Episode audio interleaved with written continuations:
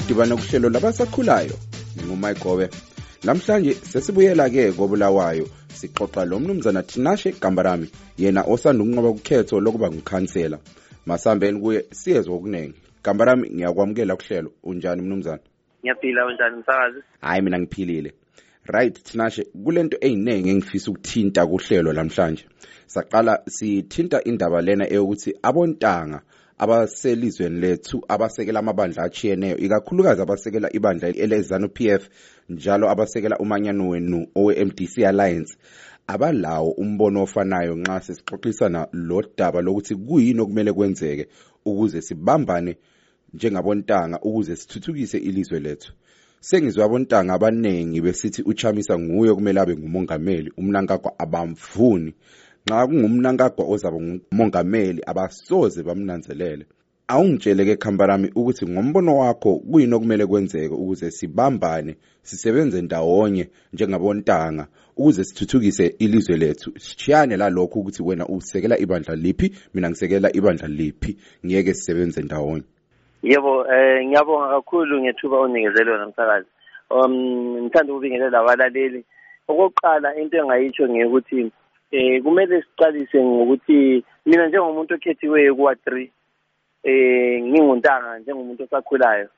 Eh i see it important ukuthi we dissolve, we dissolve and diffuse ama party political lines where we say ukuthi all the young people abakhona abalama ideas achiyeneyo abanye kade beparticipate kuma elections abangasaphumelelanga.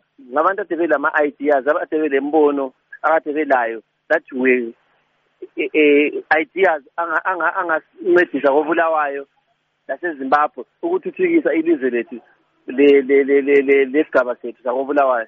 Mm, hayi siyakuzwa kambarami. Njalo amhlophe phela bhuti ngokunqoba ukhetho hayi ngiyabonga kakhulu. It was out of hard work as well.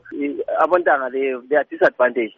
We don't have resources. Nxa singena ku-ground we try by all means ukuthi singene nje uh, but it was not easy. But at the end of the day we achieved we had a lot of young people young women uh, and young boys. Ababe lesifiso sokuthi bethole umuntu ongabakhokhela eh o-understanda ama-levels lento ama-challenges esasiwafesayo njengabontanga. Awungitshele-ke khamparami ukuthi abontanga abahlala esigaba sakho kumele bakhangelele ukuthi ukhansela kambarami uzabayenzelani ngiyabonga khonapho. Into yokuqala we need to have ama-social groups social activities. I think uh, if you remember we had ama-social centers emalokishini. Those are places where we had, we identify skill.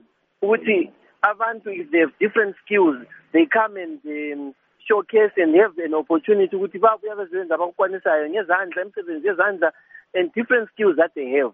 So ama-youth centers lawana those are centers ezingasincedisa ukuthi singa-identify ama-skills ebantwini especially kubontanga. We look for funding ezokuthi ziyabe zincedisa abantu ontanga labana that we have identified talent i mean different talents from.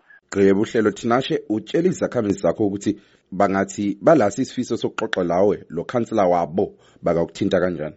Okay first um eh thina njengamakhansela zisanda kungena asikagcotshwa besisamelele kade kusathupha kwe-presidential election nama-results. But um, as soon as i-cabinet isikhona uminister uzafaka ilanga lokuthi sigcotshwe but for now i can actually ngalinikeza ngabanikeza abalaleli inumber zami ukuthi they can actually benganthinta kuma-phone call and also whatsapp.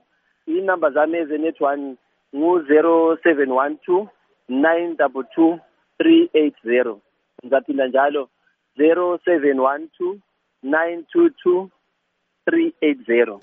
Hayi sikuzwile thinashe siyabonga kakhulu. Bekuhle ukuba la kuhlelo. Ngiyaphinda njalo amhlophe bhuti ngiyabonga kakhulu.